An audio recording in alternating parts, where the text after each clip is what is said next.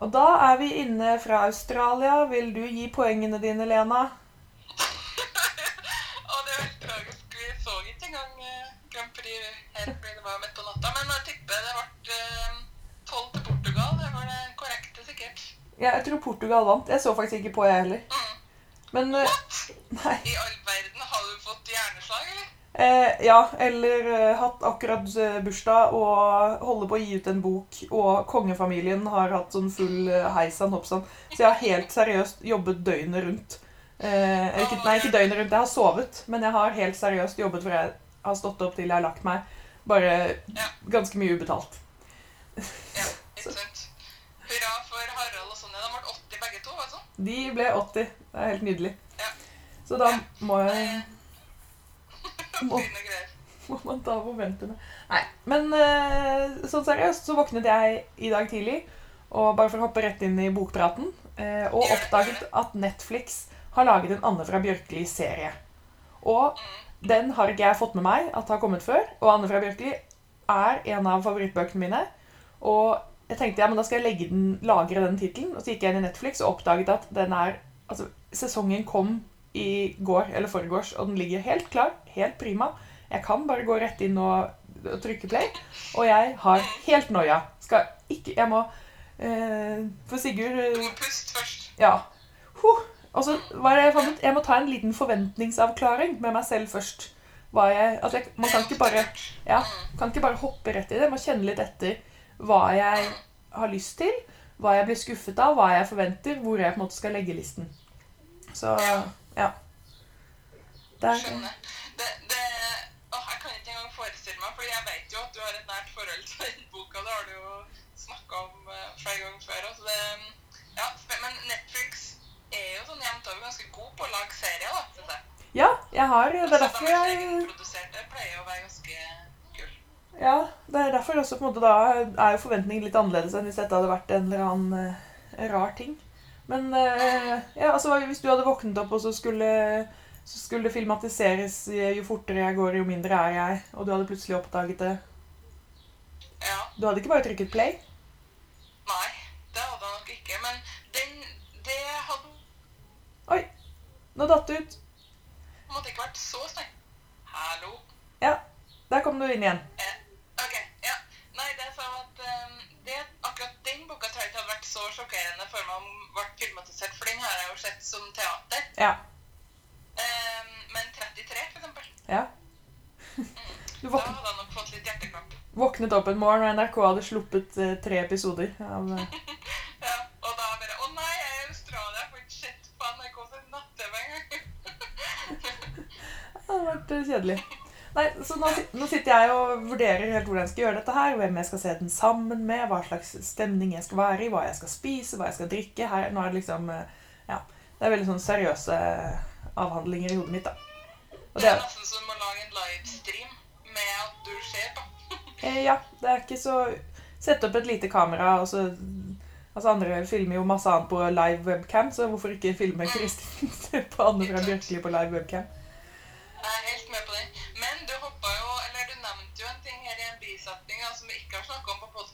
Nemlig at du skal gi ut ei diktsamling! Ja!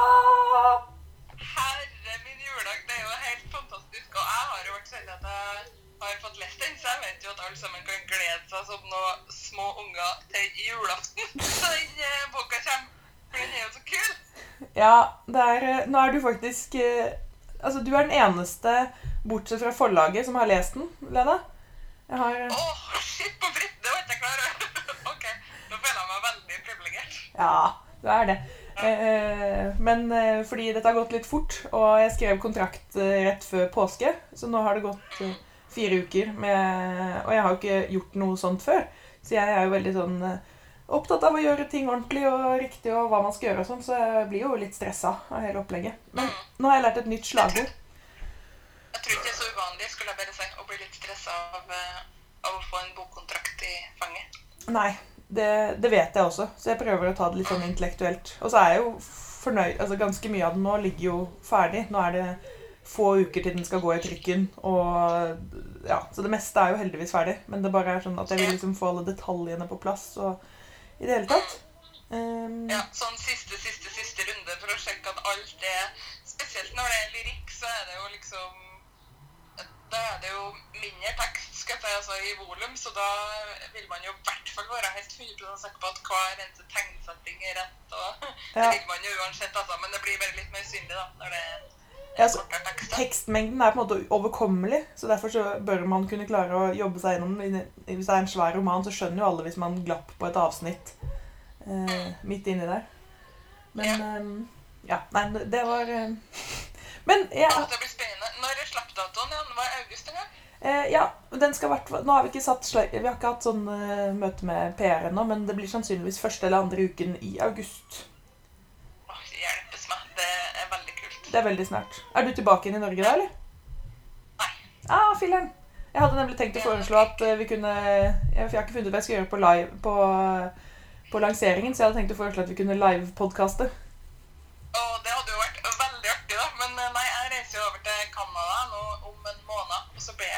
Ut året cirka, tenker jeg. Ja, nettopp. Mm. Yeah. Men, men eh, du finner vel noen andre som kan, eh, kan bidra på den slappfesten, tenker jeg. Mange som kan lese, eller Ja, jeg skal finne på et eller annet. Jeg har nesten ikke Det, jo, altså, det jeg har skrevet en diktsamling om, det er jo å, å få barn. Eh, om barten heter 'Barsel' og handler om småbarnslivet. Og nettopp av den grunnen så har jeg jo ikke vært på noen slippfester. Jeg tror jeg kanskje har vært på en eller to for et par år siden, men de foregår jo liksom alltid midt i eh, verste leggetid og sånn, så jeg vet ikke helt hva man skal finne på, jeg. Så det ja. det jeg sett, er jo at veldig mange Vi kan jo godt ta det. Hva er en kul slippfest? Ja. Jeg har jo vært eh, Ikke at jeg er så fryktelig bereist i slippfestens eh, verden, altså, det skal ikke jeg påberope meg, men eh, jeg har jo vært på noen, og da er det jo, ser ut som det er en slags gyllen regel at man leser sjøl fra den boka som er publisert, og så inviterer man noen andre til å lese, og så har man eventuelt en samtale med redaktøren sin. Det er liksom den oppskrifta som jeg har sett på det jeg har vært på, og kanskje Mm. noen musikkinnslag. Ja. Hm. Så det er absolutt rom for å spice it up, for å si det sånn. Fordi jeg, jeg syns jo ofte opplesninga Jeg syns ofte ikke at opplesninga gir meg så mye, da.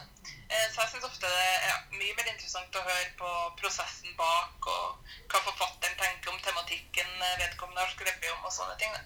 Ja. ja, for jeg tenkte på noe så Jeg har liksom sett for meg noe muligens sånn Siden det er dikt, så så er det jo lett, ganske lett å lese opp. Eh, og noen av dem er veldig sånn eh, De er veldig selvstående, så at man kan lese et par sånne. Men da så jeg kanskje for meg å få liksom En idé jeg har hatt, er å spørre folk som er gravide, eller som har bitte små barn, om å stå og lese tekstene opp med liksom barn og gravid, gravidmager i forskjellig størrelse. Eh, Veldig kult. Det hadde vært kult. Ja, og i hvert fall eh, diktene sin natur tatt i betraktning, så hadde det vært en veldig kul eh, sammensetning. Mm. Ja, så den, eh, den jobber litt med. Og så har jeg allerede foreslått, jeg foreslått det for forlaget, og de har sagt go. At jeg lager en sånn slippfest med håret ut eh, på kvelden eh, på et utested. Og så at jeg lager et barseltreff. På, jeg lager en slippfest eh, på en formiddag. eh, Hvor den, ja. En målgruppe. Nei, så, uh. Ja, så det er intenst, men eh, veldig, veldig gøy. Så eh, det kan jo hende at kanskje man kan få til sånn eh, Jeg har aldri gjort noe sånn. Kanskje man kan få til en sånn deal for denne podkastens lyttere og sånn. Jeg kan, eh, kanskje man kan forhåndsbestille. Ja, Det må vi det hadde vært kult. Dere kan, eh, dere kan vurdere om dere vil ha da, da får dere en signert av både meg og Lena. Da vi må finne en eller annen løsning her. Sånn eh, Jeg tror ikke man er interessert i å ha min eh, signatur, da. Ja, jo, hvis de er Storusten og Ramberg-fans. Så Ja, det er så artig ja, det er så artig at du tenker sånn. Det, det gjør de ikke. vi får se. Jeg regner med at lytterstormen kommer nå etter hvert. Time vill show. Nei, så det Men oppi alt dette her, da, så har jeg Fordi jeg vet om en del andre som når de skriver, så bare må de ikke lese noen ting. Fordi de blir så redde for å bli påvirket av ting. Mens jeg er litt mer sånn omvendt, at jeg på en måte må lese ganske mye Altså jeg har en litt sånn mer følelse av at jeg må lese ganske mye og på en måte få sånn destillert gjennom meg. Men dette er jo også, vi snakket jo så vidt om det, og jeg har jo funnet ut etter å ha hørt på podkasten sånn er du, at jeg er ekstremt ekstrovert. Eh, så jeg tar inn i noen vakre solnedganger og, eh, og vakker tekst. er på en måte sånn jeg blir inspirert. Jeg kan ikke sitte i et helt stille rom og ta det innenfra. Eh, så da har jeg annet lest Linn Ullmann sin nyeste. Eh, Den om faren hennes? ja, og moren og hele familien og oppveksten og sånn. Og den er utrolig bra. Den er rørende og sterk, og den, hun har på en måte den samme sånn analytiske, skarpe evnen som Vigdis Hjorth har. Bare for å sammenligne med en bok som også mange har lest. Um, og klarer å se seg selv utenfra, og så har hun kanskje en litt sånn større poetisk klang enn Vigdis Hjorth. Klarer å lage noen setninger som står igjen, som er helt utrolige. Mm, Så ja. Det, den er veldig flott. Så den har jeg hørt på lydbok. Den første lydboken jeg har hørt på mange år. Ja. Jeg kasta meg jo på lydboktrenden her eh, rett før jeg reiste over eh, hit, eh, og prøvde den Fabel-appen. Ja.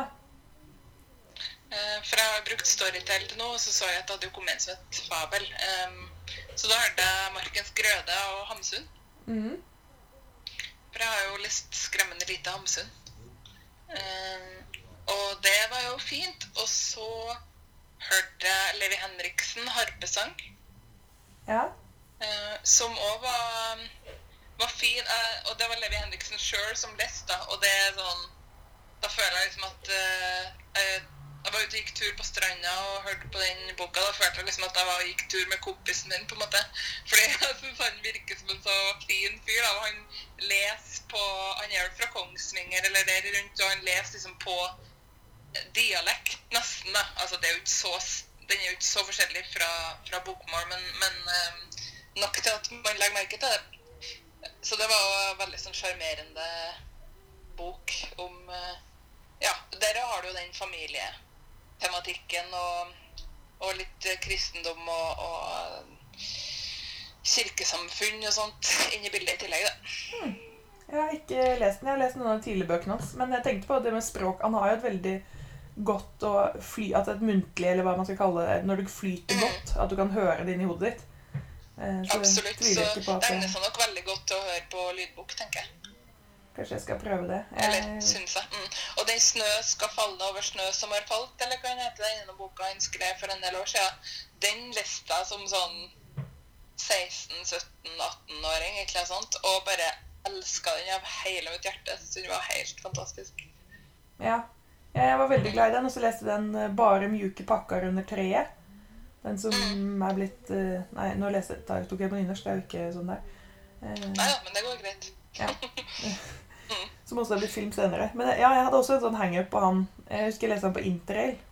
Så Å ja.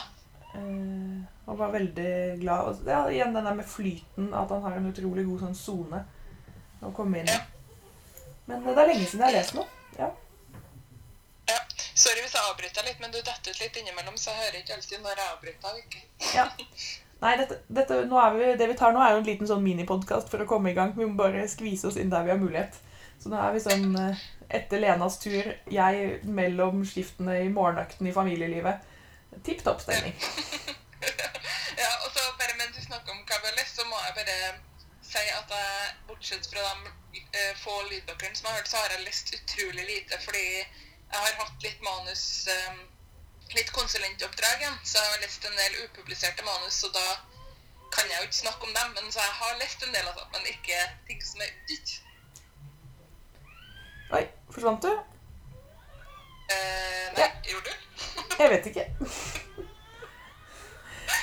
jeg hørte en unge som skrek bak?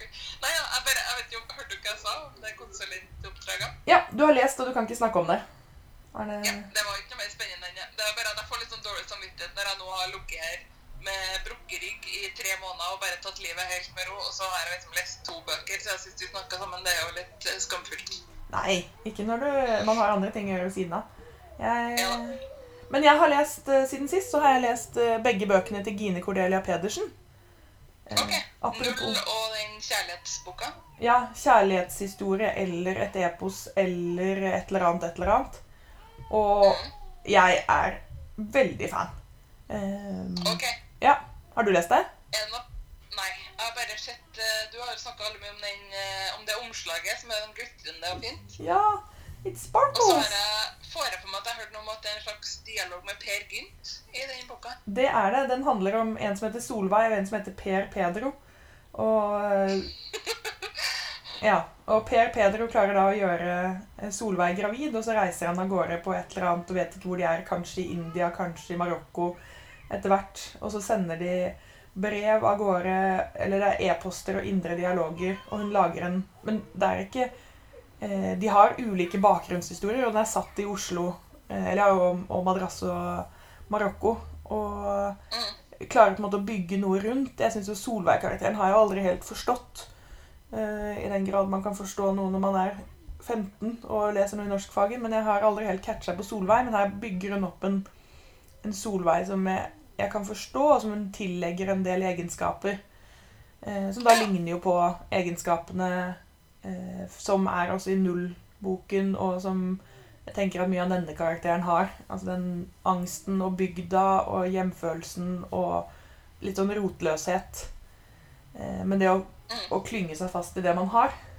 Eh, og så er det veldig Det er jo romaner, hvis man kan kalle det det, men det er veldig poetisk, så det er jo nærmest langpoesi, eller hva man skal kalle det, da. Litt uklart. Men jeg bare hang med på leken og koste meg veldig. Så Så bra. Ja. En hva som null? Den jeg var solgt til oversettelse Var det tysk eller engelsk? eller Jeg tror i hvert fall den var solgt til oversettelse til utlandet en plass. Ja, den er en sånn bok som eh, Jeg tenker at veldig mye av det handler om troverdigheten i den. For den handler om en kvinne som eh, går inn i sterk psykose, eller tva, eh, i sterke psykiske lidelser. Og den er intens og poetisk og veldig god. Litt sånn suggerende, repetativ. Og jeg tenker at mye av det står og faller jo på om man faktisk tror Eller om det er troverdig. Og for meg som ikke har vært i nærheten av noen sånne å, altså, å være inne fra et mentalsykehus eller noe sånn, så opplevde jeg den veldig troverdig. Eh, Ja. Og det er jo følelsen min at andre også gjør det. De som da vet. Det er jo det som er gøy med bøker, at man kan få et innblikk i en verden man ikke vet så mye om. Mm. Men det avhenger da av at man tror. Ja, nei, fordi jeg har um, sett Jeg så hun lese opp fra den boka den uh, senhøsten da den hadde kommet. For det var på de debutantdagene på Litteraturhuset. Så var der og, og leste fra den. Og da var det veldig tydelig at hun eh, Det ble veldig tydelig at hun har skuespillerutdanning. Da. Hun var vanvittig god på å framføre den teksten. Altså, det var eh, veldig det stakk seg veldig ut, da, hennes eh, opplesning av sin tekst. For hun var veldig trygg og tydelig og veldig god på det. Eh, så da fikk jeg veldig lyst til å lese den boka, men så har den falt litt, eh, litt ut igjen, da. Ja, hun fikk jo Tarjei Vesaas debutantpris for den.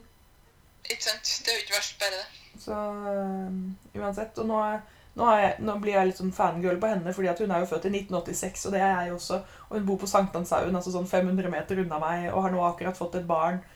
Og, og skrev om dette her, da. Så jeg er sånn Ja, det er Ja, du må ikke, ikke begynne å gå utenfor døra hennes og bli en sånn stalker. greit. Står plutselig utom døra hennes med en caffè latte en morgen bare Hei, Hei, var du her? Det var utrolig tilfeldig. Jeg har øh, La oss snakke jeg er også baby. Å, Uff a meg. Ja, nei, men jeg, jeg leste, og det syns jeg er interessant, fordi at eh, det var et intervju med henne i, i VG. eh, sånn, hvor de intervjuer på, på morgenkvisten. Eh, og siden hun nå akkurat har fått barn, og hun skriver jo mye om eh, I hvert fall de to bøkene, så skriver hun om eh, folk som ikke er helt til stede psykisk. Eh, og hun har jo også vært åpen om at hun har psykiske lidelser selv. Eh, Så sa hun i det intervjuet at eh, hun opplever likevel at det beste for å kunne skrive sant? Spørsmålet er skal man sette seg i litt sånn lidende situasjon er det, Trenger man lidelse for å kunne skrive? Eh, hvor hun sa at eh, nei, eh, det beste er å trene, spise sunt, eh, komme seg opp om morgenen, eh, legge seg til fornuftig tid. Det er det som funker for meg, så det er sånn jeg gjør det nå. Og det tenker jeg er litt sånn interessant når du skriver Når på en måte kjernen når mye av det man skal kalle det, roten i det man skriver om, er lidelse. At man likevel må ut av den lidelsen for å klare å eh, For å klare å destillere det til litteratur, da. Eller sånn. Samtidig så vet du ikke hva hun skriver på nå. Det kan jo hende at det er sånn happy go lucky eh, baby er topp, familieliv er toppen av godt-aktig um, kikkeli-cool, lykkelig roman. Ikke sant? Ja. ja da, så for all del. Men eh, se. jeg, nå, jeg, jeg fikk liksom inntrykk at det var sånn hun, hun skrev det ellers også. Ja. Jeg sa jo det til eh, redaktøren min da jeg holdt på å skrive de manusene, og jeg følte at nå var jeg på en måte på en flyt, og at det var bare å skrive. Han sa det er mye jobb, altså. Vi, må, vi skal jobbe på. Og jeg bare sånn Nei, nei, jeg hørte om den eh, altså den Cœur de Lion. Den ble skrevet på liksom tre dager. Men det var jo under sterk, sterk kokainrus, da. Men uh, han svarte tilbake altså søvnmangel er også rus. Og jeg bare ja, det er helt sant. Det Ja, det skal jeg være først til å skrive under på. Nei, um, jeg tror ikke du skal kopiere eh, Ariana Raines. Nei, det, det kan fort gå galt. Ja, nei, så jeg prøver meg på Men jeg har, jeg har ikke trent på flere måneder, da, for det har jeg ikke tid til. Men eh, jeg prøver, å- og så spiser jeg ganske mye sjokolade. Men ellers så prøver jeg å leve liksom forholdsvis fornuftig. Eh, I den grad det er mulig. Du må jo finne den måten som funker for deg. Og så er det noe med at det er jo ikke, det er jo ikke på alle stadier i livet at man har mulighet til å sette rutiner som passer best for seg sjøl. I hvert fall ikke når man har to små unger og en mann og et hus, og, sånn som du har det. Ja, Her er dagens Tårnfrid-tips eh, til alle andre som prøver noe. Det det er jo litt sånn Jeg skjønner ikke hvordan hun får til alt sammen.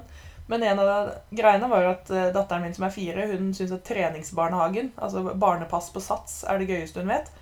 Eh, jeg vet ikke helt hva vi har gjort der. Eh, så da våkner hun opp lørdag morgen og vil dit. Og så var jeg sånn åh, orker ikke trene.